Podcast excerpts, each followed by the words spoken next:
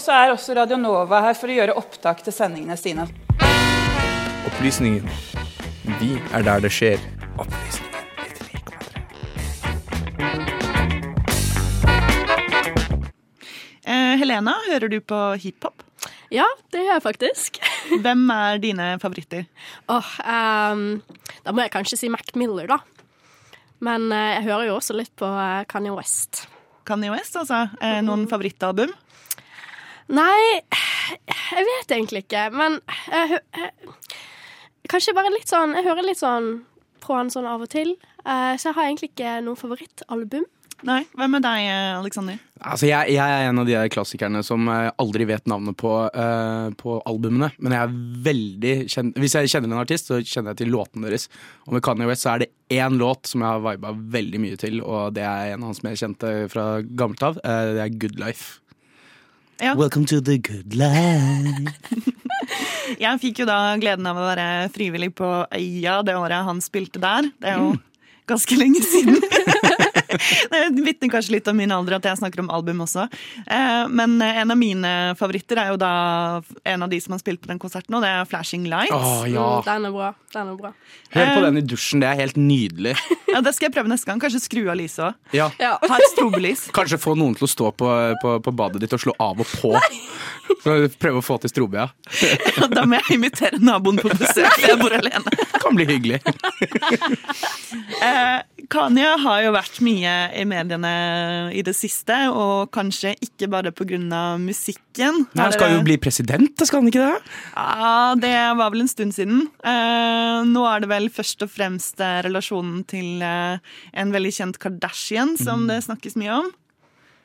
Ja, eh, han har jo eh, Det har jo blitt eh, skilsmisse mellom Kim Kardashian og Kanye West. Det er vel snart et år siden eller noe sånt. Folk har jo gått hver sin vei, men det virker jo litt som at Kanye kanskje ikke har gjort det. Nei, eh, han har jo eh, uttrykt at han ikke har det så bra. At han har litt eh, vanskeligheter med å godta situasjonen som den er. Og Derfor så har jo vår reporter Emma Nordstein prøvd å se nærmere på det her. Og hun har også forsøkt å eh, finne ut om ting hadde vært litt annerledes dersom Kanye hadde vært kvinne. Kim Kardashian ble denne uka offisielt singel og separert fra sin ektemann Kanye West, også kjent som Ye.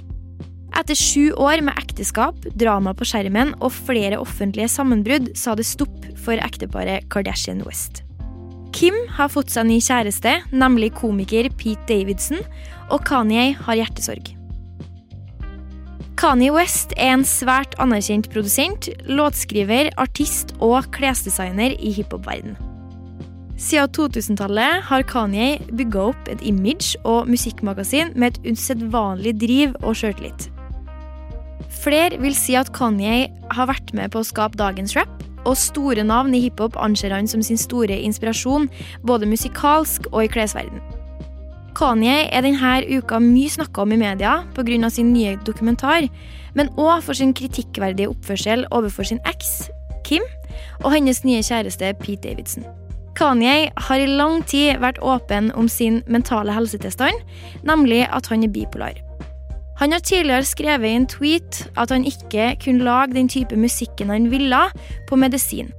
Og det er spekulert i om han fortsatt velger å være umedisinert. Kilder nære Kardashian-familien skal ha uttalt at Kim ga Kanye et ultimatum før skilsmissen. At han enten måtte skaffe seg den hjelpa han trenger, eller så hadde hun fått nok. Men det her blir bare spekulasjoner. Likevel kan vi se på tidligere hendelser og situasjoner som kan oppleves vanskelig å håndtere som kone og støttespiller. De fleste menneskene her på jorda har kjent på de ubeskrivelig vonde følelsene som kommer med kjærlighetssorg. Kanye er i snakkende stund midt oppi det her, men det er jo likevel ikke en unnskyldning for å harselere med andre. Ved flere anledninger har han oppfordra fansen til å rope Kimye forever hvis de ser ekskona og den nye kjæresten. På Instagram har han gått hardt ut mot Pete Davidson, som har fått kallenavnet Skeet. Kanye har bl.a. skrevet at Pete aldri skal møte barna hans, og trua han flere ganger. På Instagram la Kanye ut et skjermbilde av ei personlig melding fra Kim, hvor hun skriver at hun er bekymra for hennes egen og Petes sikkerhet. I bildeteksten skriver Kanye at ingen skal gjøre noe fysisk mot Pete, fordi han skal håndtere situasjonen sjøl. Dagen etter Kim Kardashian ble offisielt singel igjen, publiserte Kanye en musikkvideo som har skapt mye reaksjoner. Videoen viser en sortkledd, dukkelignende figur som skal representere Kanye. Kanye plasserer en sekk over hodet til det som tilsynelatende skal være Pete Davidson. Han kidnapper Pete og graver han i sanda for han planter roser på hodet hans. I en av scenene hvor Kanye ikke lenger er en dukke, holder han et avkappa hode, men det er usikkert om det skal være Petes eller noen andre sitt.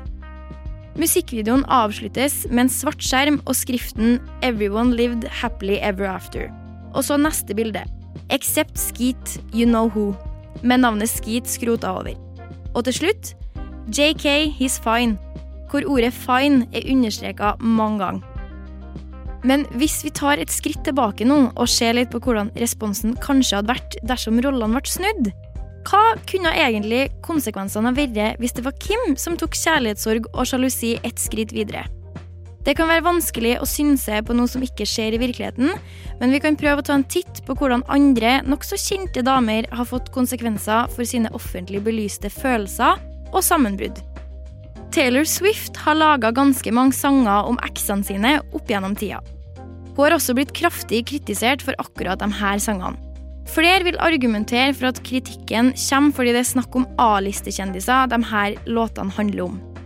Taylor har i motsetning til Kanye forsøkt å holde detaljert og personlig informasjon ja, personlig. Hun bruker sine egne opplevelser for å skape mer sjel i musikken sin, slik Kanye gjorde etter hans mor Donda West døde. Mange anser albumet My Beautiful Dark Twisted Fantasy, som publiseres etter morens død, som hans beste album. På 2000-tallet så skiller Britney Spears seg fra mannen sin, som hun har to sønner med. Hendelsene som fulgte, gjorde flere bekymra for sikkerheten til hennes nærmeste og hennes mentale helse. Den kvinnelige sangeren hadde ikke samme forhold til sosiale medier som vi har. Derfor er det usikkert hvordan det hadde utspilt seg på sosiale medier.